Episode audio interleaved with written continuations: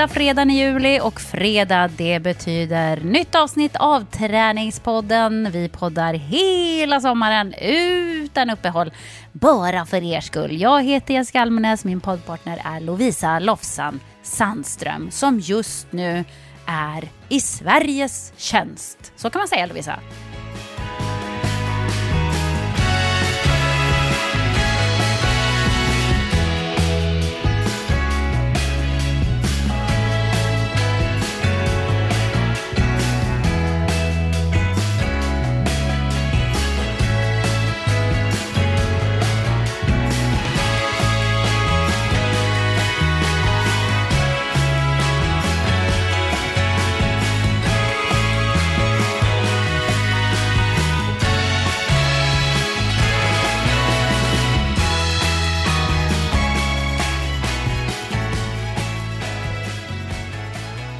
Oj oj oj, det låter superseriöst. Jag befinner mig dessutom i, i Sveriges metropol.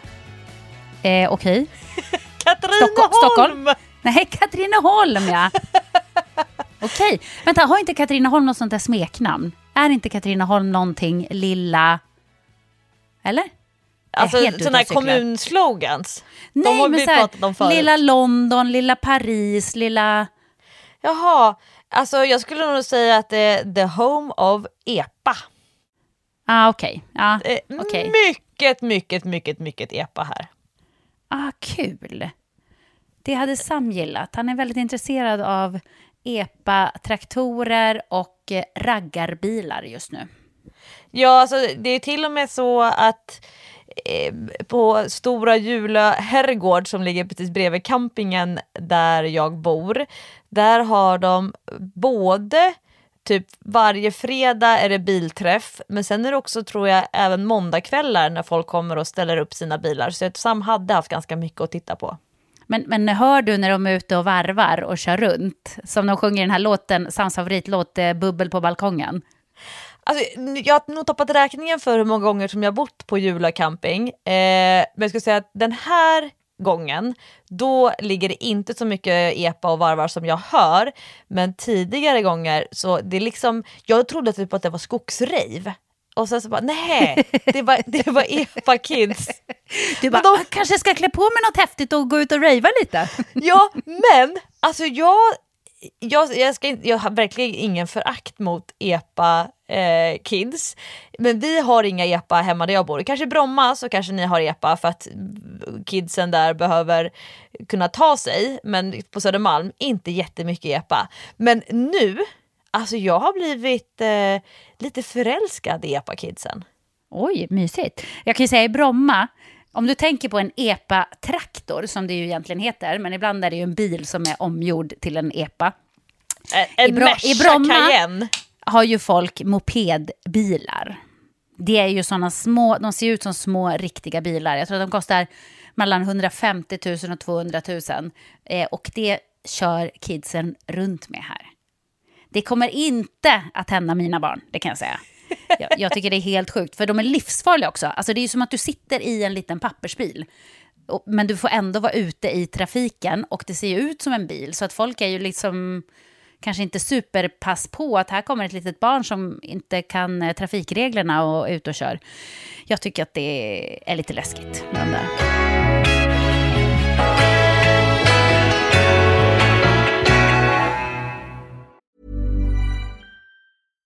One size fits all seemed like a good idea for clothes. Nice dress. Uh, it's a t-shirt. Until you tried it on. Same goes for your healthcare. That's why United Healthcare offers a variety of flexible, budget friendly coverage for medical, vision, dental, and more. So, whether you're between jobs, coming off a parent's plan, or even missed open enrollment, you can find the plan that fits you best. Find out more about United Healthcare coverage at uh1.com. That's uh1.com. Here's a cool fact a crocodile can't stick out its tongue. Another cool fact you can get short term health insurance for a month or just under a year in some states. United Healthcare short term insurance plans are designed for people who are between jobs, coming off their parents' plan, or turning a side hustle into a full time gig. Underwritten by Golden Rule Insurance Company, they offer flexible, budget friendly coverage with access to a nationwide network of doctors and hospitals. Get more cool facts about United Healthcare short term plans at uh1.com. Jag är ju då på landslagsläger med eh, svenska ungdomslandslaget i kanot. Och eh, eh, jag kommer ihåg att jag poddade, jag poddade nog inte från Katrineholm förra gången, eller så gjorde jag det. Men jag var ju även här förra säsongen. Och jag åkte hem rätt mentalt sliten. Jag var inte mitt bästa jag.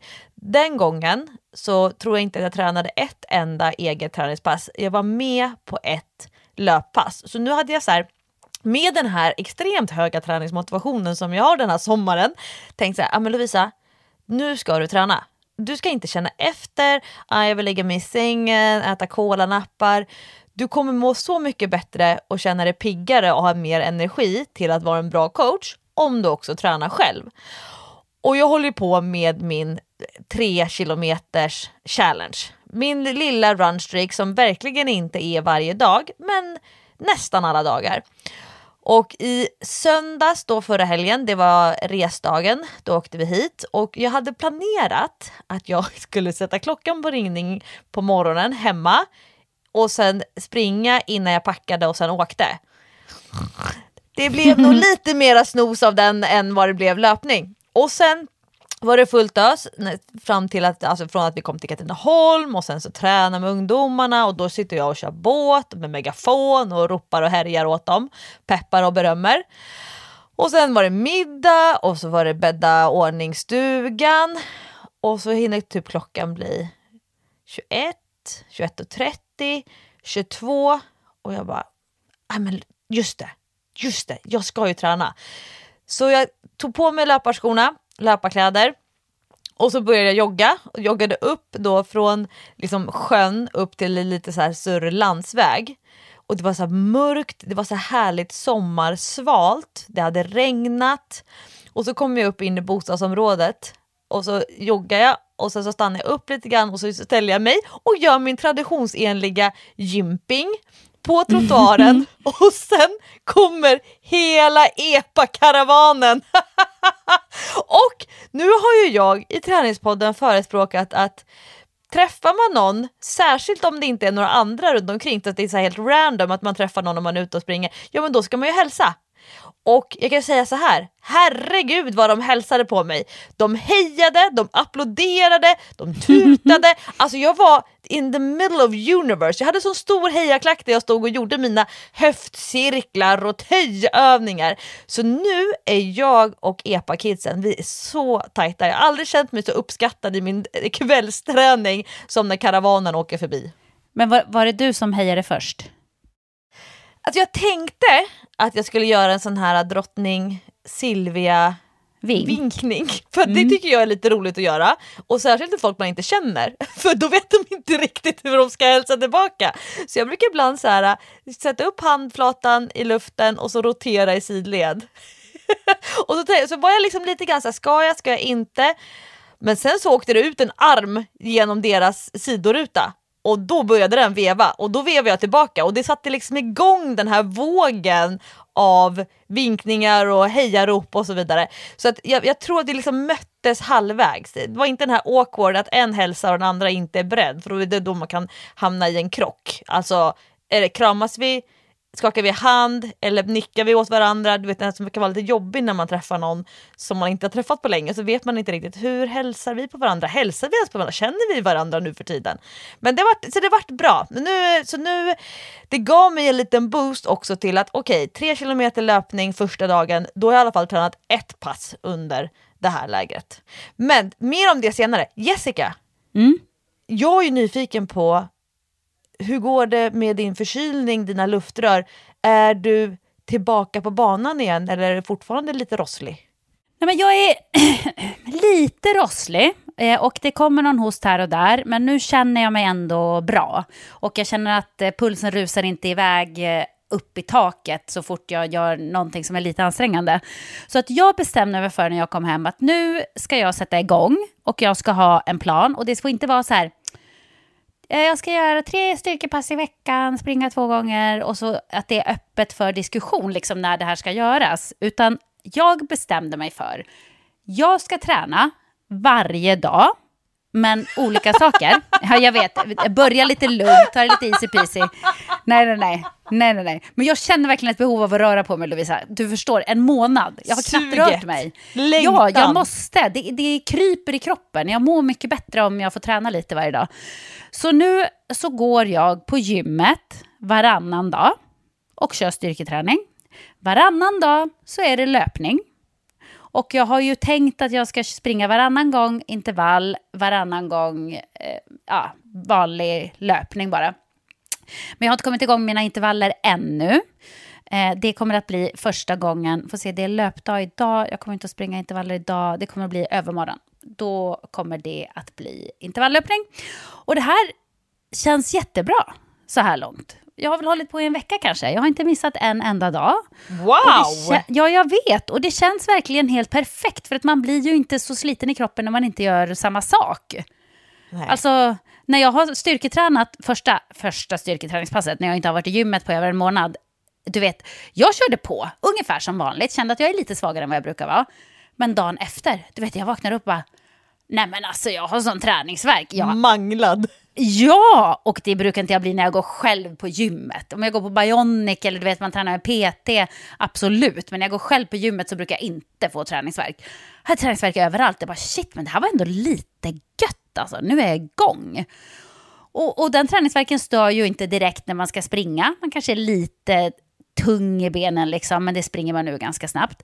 Men jag är ju dålig på att komma igång lugnt och liksom jobba mig uppåt, utan det är bara pang bom direkt. Och nu när inte jag har sprungit på länge och försökt komma igång med löpningen så har jag ändå sprungit så här ganska moderat tempo på mina löprunder får man säga.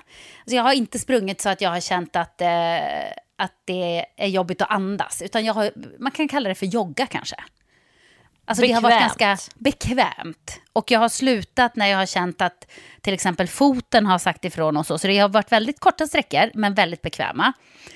Men så tänkte jag häromdagen, vad fan springer jag runt i det här bekväma mystempot för? Det ger ju mig egentligen ingenting. Och även om jag inte kan springa så långt för att min fot inte klarar av det ännu, förhoppningsvis, eh, så kan jag ju faktiskt trycka på lite. Så då tryckte jag på lite tempot och det var ganska skönt att känna så här, uh, jag blev riktigt andfådd. Du vet nästan så att man får lite, inte blodsmak, men det känns lite så här, lite järnsmak i munnen ändå. Jag sprang på som fan. Ja, vad händer då? Jag känner ju när jag håller på och springer där, bara så här, åh gud, jag har lite ont i höften ändå, men det är nog ingenting. Nej, nej, nej, jag kör på. Kör på de tre kilometerna jag hade tänkt springa, eh, stannar efter det och så bara, aj då, aj då. Nej, men då har jag ju dragit till något konstigt i höften. Du vet, det är som att jag kan inte göra någonting utan att jag blir, går sönder och blir trasig. Nu tror jag inte det här var så farligt, för att nu har det gått fyra dagar och nu känns det nästan hundra bra igen. Det är lite spänt där. Så det är säkert bara höftböjen eller någon muskel som sitter där i höften som, som bråkar lite för att den var ovan att trycka på lite grann i, i löpsteget. Du vet, inte ha fötterna en millimeter från marken, utan faktiskt Lite mer trycka aktivt. iväg lite. Ja, men lite mer aktiv löpning.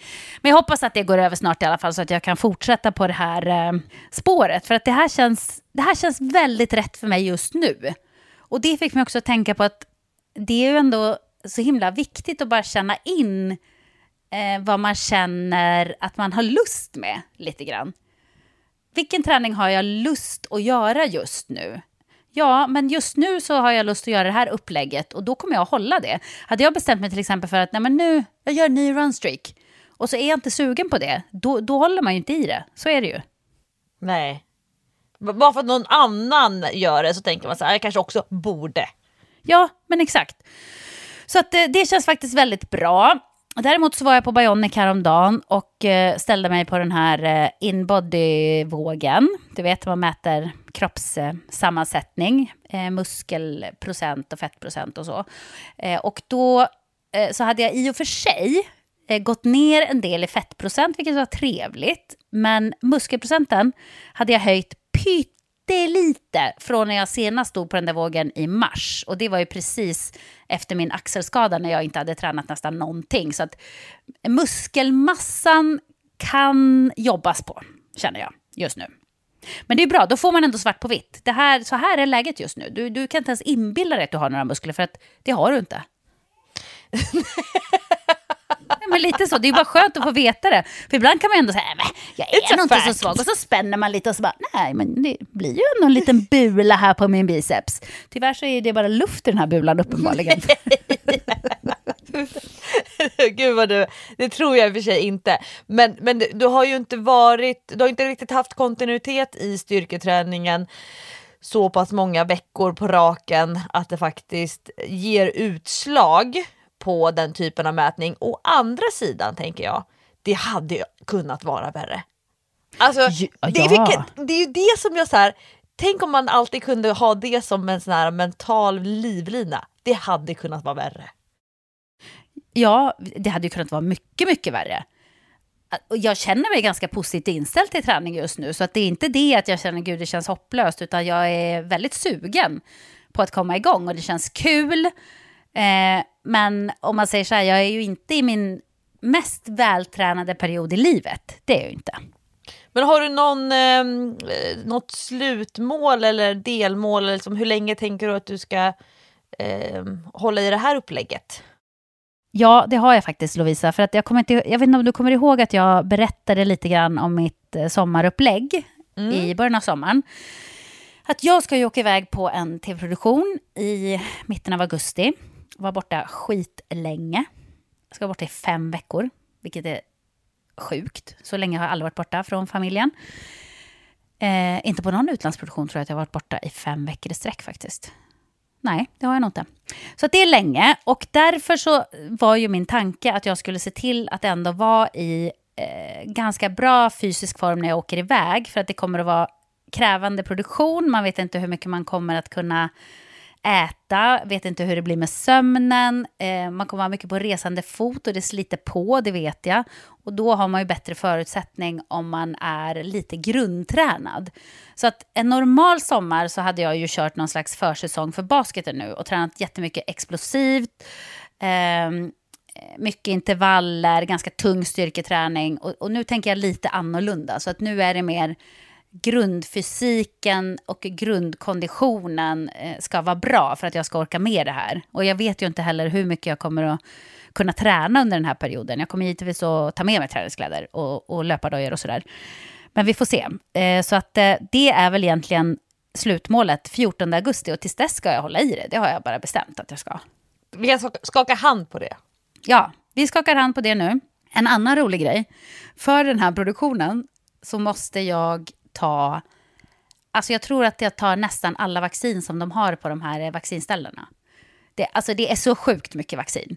Så jag började ju med den här vaccinprocessen i juni. Du dopar dig Jessica Almenäs! Ja men det är så sjukt.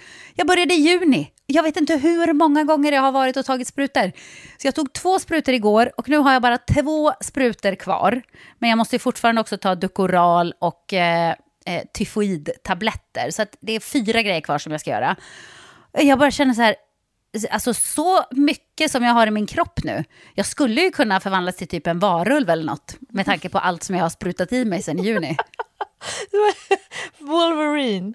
Det är så sjukt. Men det roliga var när jag var på vaccinstället igår, då träffade jag faktiskt en av våra lyssnare. Det var hon som stack mig i armen. Nej. Hon sa det, jo, hon sa när jag skulle gå ut att eh, Åh, jag lyssnar på er, eran podd, jag har lyssnat på den i flera år och tycker den är jättebra. Så det var ju superkul. Hon skulle ha sagt det precis innan hon stack. Ja, exakt. Exakt. Eh, men hon stack väldigt bra. Om hon nu lyssnar så kan jag säga att hon stack väldigt bra. För när, när jag var där och stack mig hos hennes kollega, då fick jag faktiskt ett stort blåmärke. och en liten knöl under huden som inte har gått bort ännu. Och det är tre veckor nu sedan jag tog den, det vaccinet. Och den gjorde ont skitlänge. Alltså det var så ömt på armen i typ tio dagar. Men, men eh, den här tjejen hon stack mig väldigt bra. Så jag känner ingenting i min arm idag. Men det säger ju en hel del om det här eh, äventyret som du ska ha på tv-produktionen. Alltså det, om det krävs så där många vaccin, då känns det ju inte som att du ska sitta på ett eh, hotell i Köpenhamn. Nej, nej, det ska jag inte. Jag ska eh, ut på massa konstiga äventyr. Eh, och det var så sjukt första gången jag kom in på det här vaccinstället med listan. De bara, eh, okej, eh, alla de här alltså. Eh, fick ringa hundra samtal och bara, vilka kan man ta samtidigt? Vilka måste det vara mellanrum mellan? Så att det, det är inte bara bara, men eh, det känns som att jag kommer inte kunna drabbas av någonting efter att jag tagit alla de här vaccinen. Nu är jag Fingers liksom crossed försäkrad. Ja, vi håller tummarna för det i alla fall. Jag ska berätta mer sen när jag kan, men just nu får jag inte säga vad det gäller. Men eh, ni förstår ju att jag ska inte till Köpenhamn på hotell, som sagt.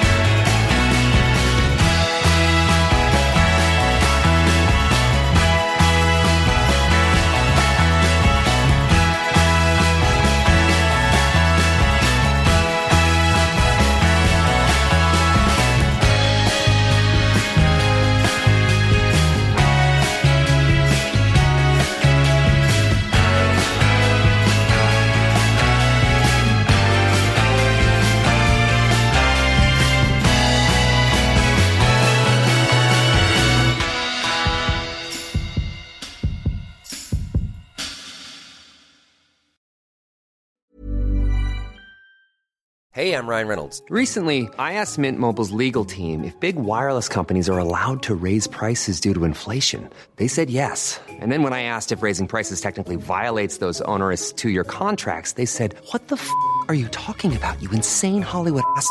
F- So to recap, we're cutting the price of Mint Unlimited from $30 a month to just $15 a month. Give it a try at mintmobile.com slash switch. $45 upfront for three months plus taxes and fees. Promo for new customers for limited time. Unlimited more than 40 gigabytes per month. Slows. Full terms at mintmobile.com. Many of us have those stubborn pounds that seem impossible to lose, no matter how good we eat or how hard we work out. My solution is PlushCare. PlushCare is a leading telehealth provider with doctors who are there for you day and night to partner with you in your weight loss journey. They can prescribe FDA-approved weight loss medications like Wagovi and Zepbound for those who qualify. Plus, they accept most insurance plans. To get started, visit plushcare.com slash weight loss. That's plushcare.com slash weight loss. Jag kan berätta om ett eh, backträningspass, backlöpningspass som jag gärna tipsar vidare om. Ja, men vad kul! Har du gjort det själv? Eller är det någon annan som har gjort det? Jag har gjort det själv eh, och jag har gjort det och det var ju en väldigt stor fördel med en stor grupp. Vi var alltså 20 personer som körde tillsammans. Det var, Oj! Ja, det var så kul. Eh, förra året när vi var på motsvarande landslagsläger då var ju också jag ansvarig för eh, backlöpningen. Och syftet med att köra ett tufft, lite längre löppass eh, för då, i det här fallet är det liksom ungdomar. Deras idrottssport är ju eh, kanot. Det här är ju liksom Sveriges bästa ungdomar i den, den här åldersgruppen, 15-16 år. Ehm, det är inte i första hand att man ska bli en bättre löpare. Inte att man ska bli proffs på att springa backe. Men att man ska kunna jobba med sin aeroba kapacitet. Alltså jobba med sin syreupptagning, försöka hitta lagom ansträngning, att kunna orka springa många gånger upp och ner för backen. Eh, men också, och det är det som jag tycker själv är så kul med backlöpning, det är att man får en möjlighet att trötta ut kroppen. Alltså som du beskriver när du har varit ute och kört dina moderata löppass nu och som jag när jag springer mina tre kilometers pass. Då vill man ju inte riktigt bli trött och där man ska springa långpass, så här, ut och jogga över en timme, då blir man ju trött på ett annat sätt. Att man blir stum och det stelnar till och man kanske till och med hinner tröttna. Alltså tröttna mentalt innan man känner att kroppen har fått sitt. Om man tänker sig alla delar ska få sitt. Ehm, Men förra året, då körde Som, vi... som Frank Andersson sa en gång i en berömd sägning att alla delar av kroppen ska ha sitt. Även de privata. Livsman- Livsmantra. det får man googla om, om skämtet gick Japp. över huvudet nu. Vi kommer inte säga det i podden. Nix. Eh, men förra året då eh, körde vi eh, samma introduktion eh, och då lägger jag in ungefär sex stycken rörlighetsövningar som vi gör samtidigt som vi förflytt- förflyttar oss framåt. Så till exempel gående knäkram som är en, en eh, rörlighetsövning som jag gillar jättemycket. Man lyfter upp knät mot bröstet, klämmer tag runt knät och så släpper man och så går man vidare ett steg. Lyfter andra knät mot bröstet, klämmer tag. Superskönt låter det. Ja, älskar den. Eh, så, så ungefär sex sådana övningar, men så joggade vi lite grann kanske 50 meter framåt mellan varje övning så att vi hela tiden rörde oss närmare i riktning mot backen. Det var ungefär en kilometer från där vi startade till där backen är. Så det körde vi förra året eh, och vi körde även det den här gången. För då jobbar man också upp värme, man eh, förbereder ljumskar, baksida lår, vader, liksom upp i höfterna.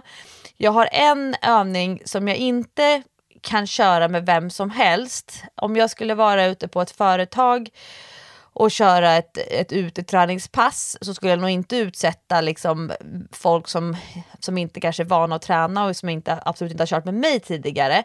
Men för de som är vana vid att stå på ett ben och som har liksom lite koll på kroppen och så, då lyfter man upp, nu måste jag tänka, jag ligger här i en våningssäng, det måste jag tänka, man lyfter upp ena foten eh, och sen roterar man ut det knät åt sidan. Och sen placerar man utsidan av smalbenet eller fotknölen mot låret på stödjebenet. Så det blir som en Ja. halv skräddare, fast Ja. stående.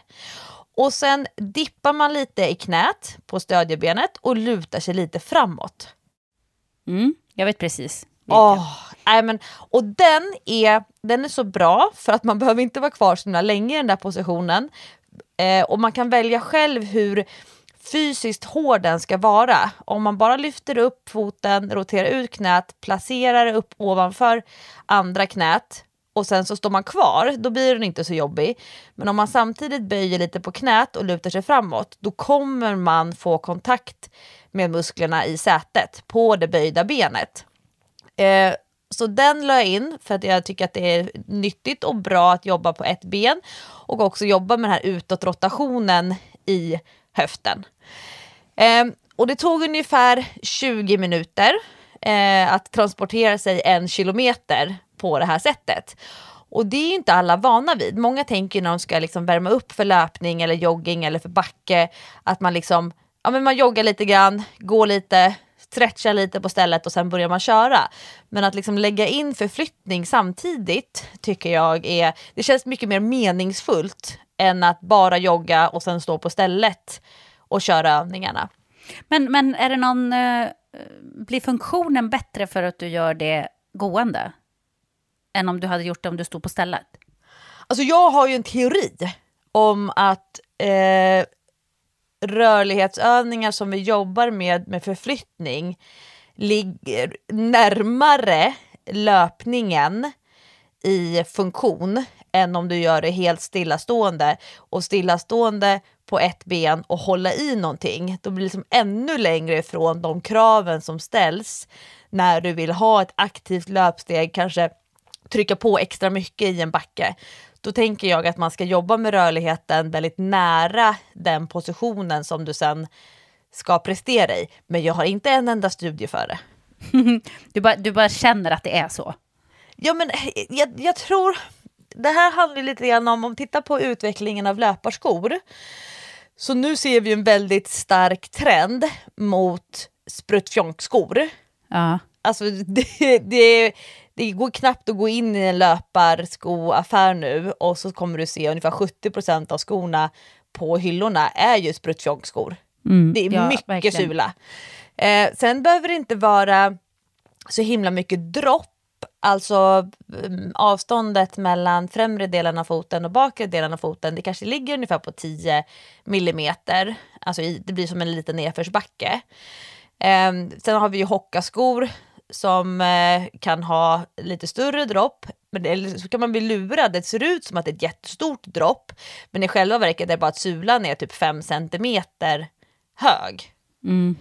Eh, och det jag ser, som, som jag tycker och tänker liksom kan vara en riskfaktor, det är att människor som inte har en fotmedvetenhet, jag tror alla människor som någon gång har haft ont i, i en fot och som faktiskt har vårdat foten eh, vet ju hur, liksom, hur det känns när foten är bra och när den är dålig. Alltså att göra fotmassage på sig själv, att eh, gå in och massera mellan tårna, liksom hur, hur min fot känns. Och har man såna här spruttfjongskor och eh, inte är medveten om men liksom, hur, hur är min fot i den här skon?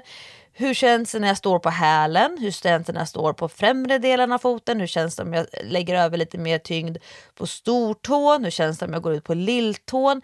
Sådana saker kan ju vara en bra idé att testa innan man köper en sko till exempel.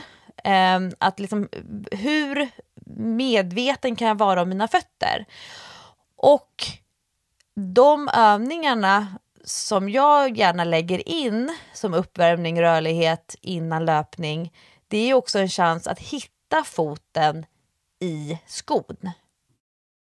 Mm. Eh, liksom hur, hur, var är min fot i den här skon? Och vissa eh, ligger ju väldigt långt fram med foten i skon. Alltså att eh, de gillar när det är lite luft i hälen medan andra gärna knyter skon så att hälen ligger med tryck bakåt och så är det jättemycket luft framme vid tårna. Vissa kanske har lite för smala skor. Jag skulle säga att det är sämre att ha för smala skor än för breda för främre delen av foten till exempel. Och det vet ju du som har haft problem med din häl. Alltså det är bättre att ha space än att ha för trångt. Men många har ju för smala löparskor och då är de här övningarna bra för att liksom känna jag och min sko och sen också min sko och underlaget. För det är skillnad på att stå barfota på parkettgolvet och göra rörlighetsövningar eh, och att stå i en väldigt fluffig spruttjonk-sko. Alltså, jag älskar att du nu har skapat ett nyord till Svenska Akademin. Spruttfjong-sko. det är liksom motsatsen till minimalistiska barfotaskor. Spruttfjong-sko, det är ju underbart. när, eh, direkt efter att jag är klar här på träningslägret i Katrineholm så ska jag åka till landet. Jag, med dina och, spruttfjonkskor? ja, men de, de, de, har jag ju med mig här. Men jag, eftersom jag ska eh, springa, jag springer och går, jag har bara med mig ett par skor plus mina vandringskängor till Katrineholm. Eh, mina craftskor. Och då vet jag att när jag sen åker med tåget till Stockholm och sen byter till Norrtäljebussen där för att åka direkt till landet och vara där i en vecka, då vet jag att det då behöver jag antagligen byta sko några dagar. Och då frågade Hans, eh, men vilka skor vill du att jag ska ta med dig då? För jag försöker åka med lite packning när man ska åka tåg och sådär. Och då sa jag, men ta, jag har ju de här spruttfjångskorna så ta med de andra. de andra spruttfjångskorna. Och, eh, och då så höll han upp på en bild så här, menar du de här? Nej, nej, de andra! Så man måste liksom lära sig vad, eh, det, eh, vad jag vet inte riktigt hur vi ska definiera sprutfjongsko, men eh, har man väl sprungit i en sprutfjongsko då vet man vad, vad det är för typ av sko. ja, men det är ju de som har väldigt mycket sula som du säger, väldigt mycket ehm, Spruttfjong. Padding, spruttfjong i själva skon kan man säga. Apropå det, innan du kommer in på ditt backpass, jag måste bara säga en grej på, på det temat. När du pratar om att det är väldigt eh, inne med spruttfjong-skor nu och folk verkligen eh, köper liksom den senaste tekniken och så vidare. Jag såg raka motsatsen häromdagen i stan, mitt i Stockholms stad. Det var på Sveavägen. Kommer en kille och springer, det är regn ute. Han springer i shorts och eh, linne, inga konstigheter där. Vad har han på fötterna? Absolut ingenting. Barfota, mitt i stan. Alltså barfotalöpning, eh, det är ju en grej, men då har man ju ofta barfota skor. För att alltså, du kan ju ändå, i stan, du kan ju skära dig på grejer. Det ligger glas överallt, skräp, fimpar, all möjlig skit som ligger på gatorna i stan. Plus att jag tänkte, jag kunde inte tänka på något annat än hoppas att han bor ensam. För hade han kommit hem med de där lortiga fötterna till mitt hus, du vet, jag hade inte släppt in honom. Han hade fått skrubba fötterna i två timmar innan han fick komma in genom dörren. Men det är väl samma kille som också äter paleo? Kanske. Stenålderskost. Ja, men det skulle inte förvåna mig. Ja, men det är verkligen så här, och det ska vara så otroligt naturligt. Jag tänker, men springa i stan med, med bara fötter, det är ju så långt ifrån naturligt man kan komma. Då får du gå ut i skogen och få kottar i fötterna då. då. Men, men det där tyckte jag var nästan lite sjukt. Säkert också en, en så här 4-5 tusen kronors klocka på handleden. Den mest avancerade träningsklockan. Ja, och jag, jag tänkte så här, nu ska jag kolla hur folk reagerar. Om det är någon som noterar här att han springer utan skor, för det regnade ju så det var inte jättemycket folk ute. Men de människorna han passerade, alla vände sig om och bara tittade och sa någonting till varann, helt chockade. Och du vet, han nästan, det kändes som han lite grann njöt av det, så då tänkte jag så här, är det här en uppmärksamhetsgrej? Att gå ut och springa utan skor i stan, bara för att liksom, folk ska kolla på en. Jag vet inte. Han behöver inte ha någon epa-parad för att få uppmärksamhet. Nej du, det gick bra med bara bara fötter. Riktigt lortiga fotsulor. Men ehm, alltså det där med att springa med knasiga grejer på fötterna. Jag tror att jag har berättat om när jag sprang New York Marathon. Och det var en kille som sprang i egenflätade halmtofflor. Han hade flätat ihop halm, eller hö, förlåt. Jag vet inte skillnaden på halm och hö. Men det är nu. typ samma. Ah, Okej, det, du är ju hästtjej så du vet. Ja, men han hade flätat egna såna här uh, flipflops, Åh Av- herregud. hö eller halm och sprang alltså New York Marathon med dem. Och det roliga var att de var inte formklippta efter hans fotsula utan det såg mer ut som såna här eh, du har på, på fötterna när de ska eh, gå över Nordpolen. Alltså de var, så här, hade- de var liksom överdimensionerad från fotot och stack ut så här, som från kvastar bak, bakom hälen. Alltså det såg så jädra konstigt ut. Men jag ska inte säga något för han sprang ju om mig så att han var ju tydligen snabbare än jag. Ja, men båda de här, typiska exempel på pick me killar Ja, oj! Absolut. Jag, jag fick ju höra häromdagen att jag var en pick me tjej Jag bara, jaha, vad är det för fel på det då? Vad är det för fel på att vara en sån som folk vill ha? Ja, det, jag skulle komma till med ehm, eh, backtipsen. Ja, Förra året, då körde vi en backe. Då bestämde jag så här, okej, vi ska springa en stor grupp. Det är enormt blandad nivå på deltagarna, eh, även om samma ålder. Eh, och då sa jag så här, okej, sex till åtta omgångar. Sex till åtta gånger ska ni upp. Och då körde vi en inte så himla brant backe och så, så förlängde vi så att man skulle liksom både starta innan backen börjar och sen fortsätta när backen planar ut. Så det kanske blev två och en halv, tre minuters arbete ungefär. Och sen så skulle de gå eller jogga ner. Men nu tänkte jag så här i den här gruppen att vi ska göra någonting annorlunda. Så då bestämde jag att vi ska jobba med klocka istället. Och det här är ett backlöpningspass som jag tycker funkar oavsett hur eh, brant backe man har. Eh, det spelar inte heller jättestor roll om du springer på grus eller som vi gjorde på asfalt. Men då kör man det här mentalt enormt tillfredsställande formatet 10 minuter upp och ner. Vi hade ett eh, elskåp som man skulle sätta handen på på varje för att verkligen få den här tillfredsställelsen att man har klarat backen. Det var en, en brant backe, ungefär 100, 175 meter kanske. Eh, 10 minuter, så många gånger upp och ner som du hinner. Och då fick de välja själva om de ville springa ner, vilket såklart alltid några grabbar liksom går fullt ös och typ springer sönder fotsulorna på. Eh, jogga ner eller gå ner. Och då får man ju en återhämtning inom den här 10 minutaren i hur du väljer att ta dig ner och även om du springer hyfsat aktivt ner så blir det ändå en återhämtning i pulsen. Och sen upp igen, så många gånger för 10 minuter och sen vilar man 2 minuter och då samlas man allihopa där ner igen. Och sen så kör man 8 minuter och sen kör man 6 minuter och sen kör man 4 minuter och sist 2 minuter. Men man behåller alltid två minuters intervallvila. Det blir som en blockvila kan man säga. Vilket innebär att vilan blir procentuellt sett större och större ju längre in i passet man kommer. Så ju tröttare du blir, desto mer får du vila i relation till arbetstiden. Och det, jag funderade, för jag sprang längst bak hela tiden. Och jag funderade på, för det kändes så himla bra för mig. Alltså jag kände mig superstark och jättebra löparform. Jag blev, jag, först blev jag så positivt överraskad, sen bara, men Lovisa, hur kan du bli överraskad av det? Nu har du ju liksom sprungit hela sommaren nästan varje dag korta pass. Varför, vad var du att bli överraskad av? Då borde du ha bra löparform. ja men jag är så van vid att att, att inte ha det. nej, att det känns så tungt och jag blir trött och jag tappar stinget och ska stanna och ta en bild. Och så börjar jag på med mobilen så kommer jag på ett sms som jag inte har svarat på. Alltså, jag, ah, jag, jag är inte så van vid att tycka att vardagslöpning känns wow vad duktig jag är, wow vad snabb jag är, utan jag gör det ändå men det är inte jättemycket high five med mig själv förrän efteråt.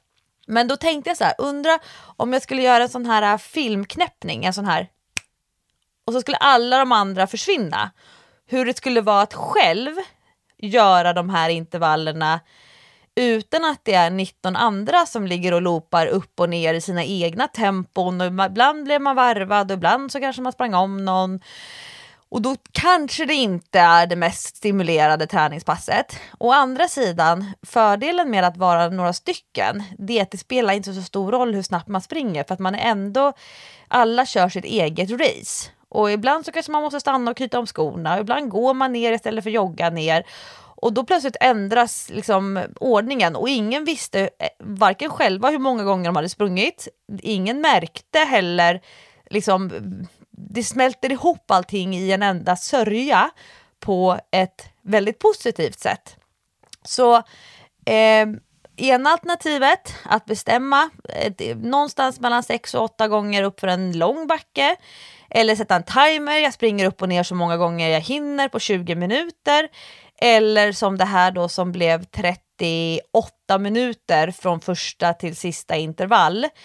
Eh, olika sätt att jobba i backe, men om, om man är väldigt öppen för syftet, om man inte tänker sig att det är en viss specifik backe som man vill bli världsmästare på, utan ja, jag vill bli stark i backlöpning, då tycker jag att det här 10, 8, 6, 4, 2 är ett väldigt bra upplägg om man värmer upp ordentligt innan. För det är ju tufft att springa backe. Herregud vad deltagarna har haft ont i benen, känt sig stela eh, och ganska så här, trötta i benen. Men det var ju också meningen. Det var ju syftet. Jag kände mig superpigg. och de där killarna som sprang nerför, är de tröttast av alla då, eller? Det var ju inte alla som orkade genomföra hela passet, om man säger Nej. så. Nej. Och det, och det var det sista jag sa. Prestigen ligger i att orka hålla ett jämnt tempo från första till sista backe. Men jag, jag vet ju hur det är med tonåringar. Alltså deras konsekvens tänker inte skitlångt. Man tänker så här, nu tävlar jag, jag ska vinna, jag ska ligga först. Och så bara, okej, efter fem minuter av passet, stendö. Ja, för jag tror att det i slutändan inte blev ett särskilt stort spann mellan hur många backar alla hann springa. Alltså du hinner ju fler backar ju snabbare du springer. Men springer man jättesnabbt i början och väldigt långsamt eller behöver stå och vila mitt i en sån här klockintervall medan alla andra fortsätter lunka på. Då det blev inte så stor differens som man kanske tänker när man tittar första när alla rusar upp i backen. Då tänker man så här, oj oj oj. Men jag tror inte att det blev så mm, jättestort eh, skillnad mellan den som sprang flest och den som sprang först. Men alltså, det måste ju vara skitjobbigt att springa eh, backe utan att vila i tio minuter. Eh, ja. För du, du står aldrig stilla. Nej. Alltså, under de tio minuterna ska du vara i rörelse hela tiden. Inte, inte stå och vila någon gång under de tio minuterna. Nej, och det är det också som Ehm, att försöka hitta mentala verktyg på vägen ner. Eh, att försöka slappna av på vägen ner så att man inte spänner sig. Att våga lita på att pulsen kommer sjunka på vägen ner. Eh, och kanske vara duktig på att kalibrera så att känner man att oj, oj, oj vad det där var jobbigt tänka så här, men jag kanske kan växla ner lite grann i tempot på den andra så att man också klarar den tredje. Ehm, de som jag har ju ganska stor erfarenhet att springa backe, både på lopp och på träning och som fystest och så vidare. Vissa människor har ett, ehm, en egenskap, jag saknar den, ehm, men att de stänger av. Alltså att det, det, är som att de stänger av alla känslor, de stänger av alla intryck. Det är att de har liksom den här maskin och robot hjärnan. och jag vet inte hur det är och hur det känns att ha en sån, om man nu ens känner efter hur det känns att ha en sån typ av hjärna. Um, för, för mig så kommer det att eh, på tio minuter, det första blocket, eh, det kan komma kanske sju, åtta, nio olika känslor. Eh, Medan vissa har, alltså på riktigt, de känner ingenting. Är, du en känslomänniska när du springer backe eller hamnar i sådana situationer? Ja, alltså jag, jag, kan inte sätta mig in i hur det skulle kännas att inte känna när man springer en backe.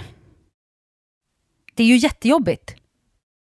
Ja, det är jättejobbigt! Man känner sorg, man känner eh, trötthet, man känner frustration, man känner eh, uppgivenhet och man känner ja, men tio steg till, ja, men tio steg till. Och ja, men det är, ja, det är ju också skönt. Liksom. Man får ju verkligen koppla på sitt pannben och det är lite härligt att låta pannbenet jobba ibland tycker jag. Det behövs faktiskt att man tränar det också. Eh, men hur man kan inte känna något när man springer backe, det, den typen av person har jag nog aldrig träffat tror jag. Vi kanske borde göra en liten gallupundersökning på det.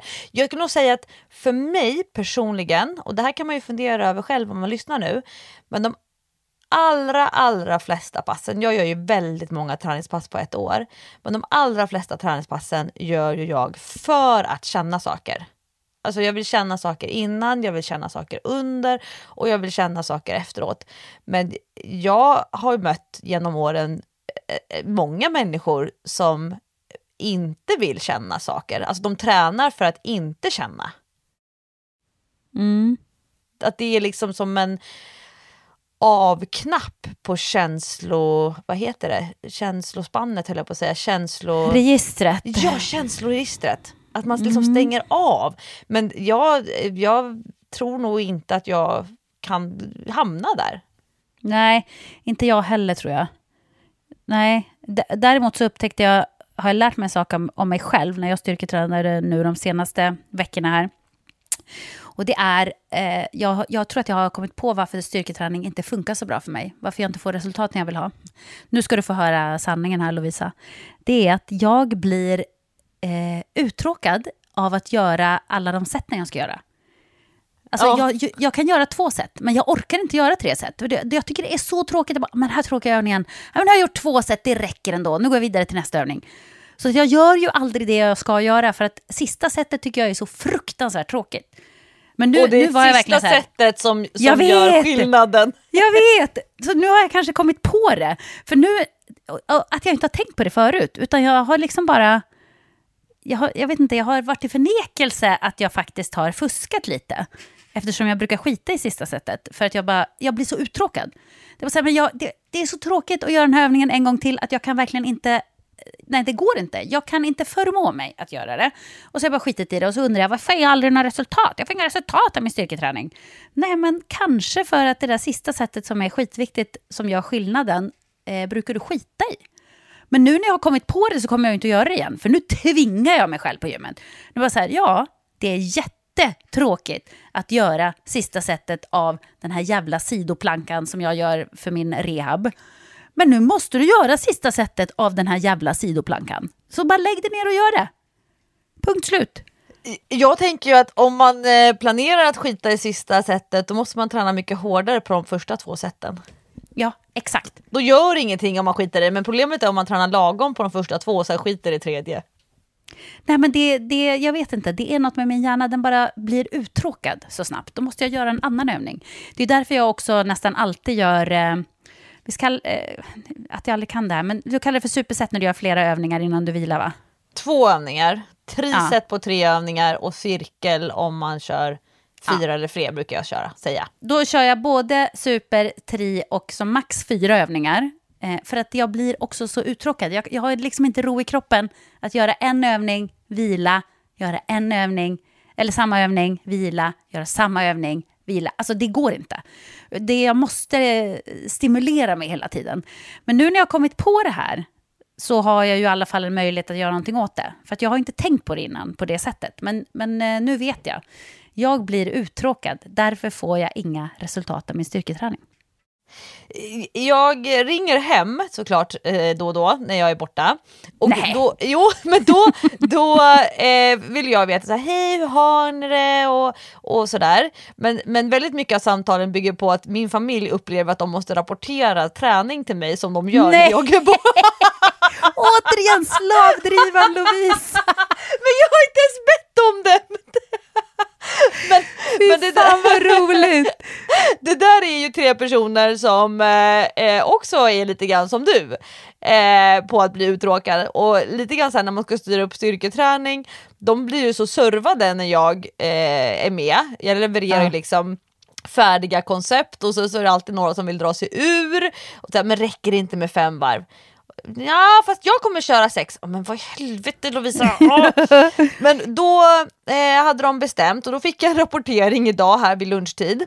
Eh, då hade de bestämt att alla tre skulle få bestämma två övningar var. Och eh, barnen fick först bestämma och så skulle Hans då välja två övningar som typ skulle kunna komplettera det som de valde, eh, barnen då. Och Hans han är som du, han älskar cirklar, han älskar att bara liksom mata på, mata på, mata Ja. på. Och lite grann så här, men plötsligt försvinner ju motivationen och, och att man har tröttnat. Så då är det bra att ha kört på medan man hade ändå fokus. Ja, Eh, lite så är men det då, faktiskt. då gjorde de ett ganska så smart sätt, eh, ett sätt, sätt. Men då, eh, två övningar per person, 10 Mm. repetitioner gånger tre. Så först fick Baxter välja och han valde bänkpress och hammer curl. Det här är liksom klassisk fotbollsspelare tänker jag som väljer så här överkroppspump. Tre varv på det. Och sen fick Sixten välja, då valde han knäböj och sidomagstretch med hantel. Då tror jag man håller en hantel i ena handen och så eh, liksom twistar man åt sidan så att det blir ja, lite stretch där på magmusklerna. Så tre gånger tio på det. Och sen 3 gånger 10 på hantelflies liggandes på bänk och tricepspress liggandes på bänk. Eh, och och det där är ju ganska smart att så här, man klipper ihop det, trycker liksom och sen så loopar. Och kör man inte tyngre än att man kan liksom köra en, en ny övning för en annan muskelgrupp direkt, ja men då kan man ju passa på att kliva, liksom, riva av det på 18 minuter. Men det- att liksom orka köra i 45 minuter mitt i sommaren, ah, jag vet inte tusan. Då, då är det nog, det är, klart, det är klart att man checkar ut. Ja, eh, många gör nog det i alla fall. Men eh, ja, det här kan ändå vara, det här kan vara en nyckel faktiskt. Tror du inte det? Jo, jag tror, jag, till skillnad från när du för något år sedan kanske, när du hade insett att du alltid sa, men jag kör magövningarna hemma sen. Mm, och aldrig gör det. Jag, det, där, det där är också en klassisk sån grej som jag lurar mig själv. Det är, inte så här, det är inte så att jag fuskar medvetet, jag bara lurar mig själv så otroligt bra att jag går på det. Jag, jag har dock hamnat i en sån sits idag. Nej, vad då? Nej, men jag, jag var så himla mån om att jag skulle ha tränat för att kunna berätta det för alla som lyssnar på träningspodden idag. Ja. så i morse efter frukosten så la jag mig först på sängen och smälte maten lite grann. Och sen så skulle vi ha samling klockan nio så då tänkte jag så här, ah, men 20 över åtta lämnade jag stugan, gick ner till ett, eh, inte ett sånt utegym som har massa träningsredskap som man kan lyfta, men det finns så här ringar, höga och låga, och så finns det massa olika ställningar, du kan köra dips, det finns sit-ups-bänk, eh, massa pull-ups och sådär. Och så hade jag bestämt att jag skulle köra en 500 Mm, kul. Eh, älskar 500 Men jag insåg så här efter att ha gjort, för en 500 då gör man 40 repetitioner av alla övningar, 30, 20 och 10 och då blir det 100 per övning och så har man fem övningar, en 500 väldigt, en, en väldigt stark valuta för, eh, för kroppen och hjärnan. Men då hade jag bestämt att jag skulle köra ring pull-ups, alltså chins i ringar. Och typ, jag börjar med hängande och så gör jag så många som jag kan och sen så sätter, tar jag ett par ringar där jag når och har fötterna i marken så kan jag använda benen lite grann. Och så skulle jag göra då 40 och så insåg jag att nej men okej, två, tre. Jag bara det här kommer ta tid. Men då så flyttade jag över till fötterna i marken så jag körde med benstöd 40 stycken och herregud vad tid det tog. 40 knäböj, bara liksom kroppsviktsknäböj. Och sen 40 stycken smala tricepspressar, typ som armhävning fast man har händerna på ett räcke. Så att man liksom står upphöjd så att man orkar göra lite fler än alltså, smala armhävningar på marken. Då, det är ju jättetungt. Mm. Så när jag gjort 40-40-40 av de tre, jag bara oj oj oj, jag kommer inte hinna en 500 Så då började jag om direkt med de här ringarna och så körde jag 30, 30-30, 20-20-20, 10-10-10. Så eh, pull-ups med fotstöd, eller chins med fotstöd då, eh, knäböj och smala tricepspressarmhävningar. Men nu har jag ju bara en 300 att rapportera till Träningspodden. Så... hade, hade du tänkt säga att det var en 500 Alltså, tanken kom till mig i morse. Såklart. Ja, men, men jag släppte den och så tänkte jag att ja, men jag gör magövningarna sen. så jag ska göra, jag ska göra en eh, hundring, 40, 30, 20, 10 av situps på en sån här situpsbänk där man kan låsa fötterna så ligger man lite i nedförsbacke. Och sen tänkte jag köra 40, 30, 20, 10 av hängande benlyft där man bara lyfter knäna. Och så kan man sätta ner fötterna och vila. För att man, man ska inte behöva göra alla 40 på raken utan rest as needed.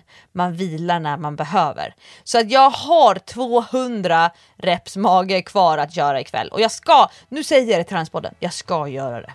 Mm, jag tror faktiskt på dig. Du, du, eh, du är en person att lita på, alltså du kommer att göra det. Oj, frågar du min man då skulle han lita på Lovisa. Mm. Slavdrivaren Lovisa. Mest opolitliga Nej, nu människan. ringer hon hem igen. Nu får vi se till att ha tränat innan Lovisa ringer hem. Vad ska vi annars ha att prata om? Men jag har, också, jag har också uppmanat dem till imorgon när jag ska åka hem. Då har jag också uppmanat dem till att spara träningen tills jag kommer. Och då tror jag att de tänker att åh nej, nu ska de kontrollera att vi tränar. Fast jag menar ju att jag vill vara med, för jag vill också träna. Det är om de får semester från mig. Gud. Oh, äls älskar att du äger ändå att du är slavdrivare i familjen. ja, så det var det som jag hade att säga i veckans avsnitt av Träningspodden.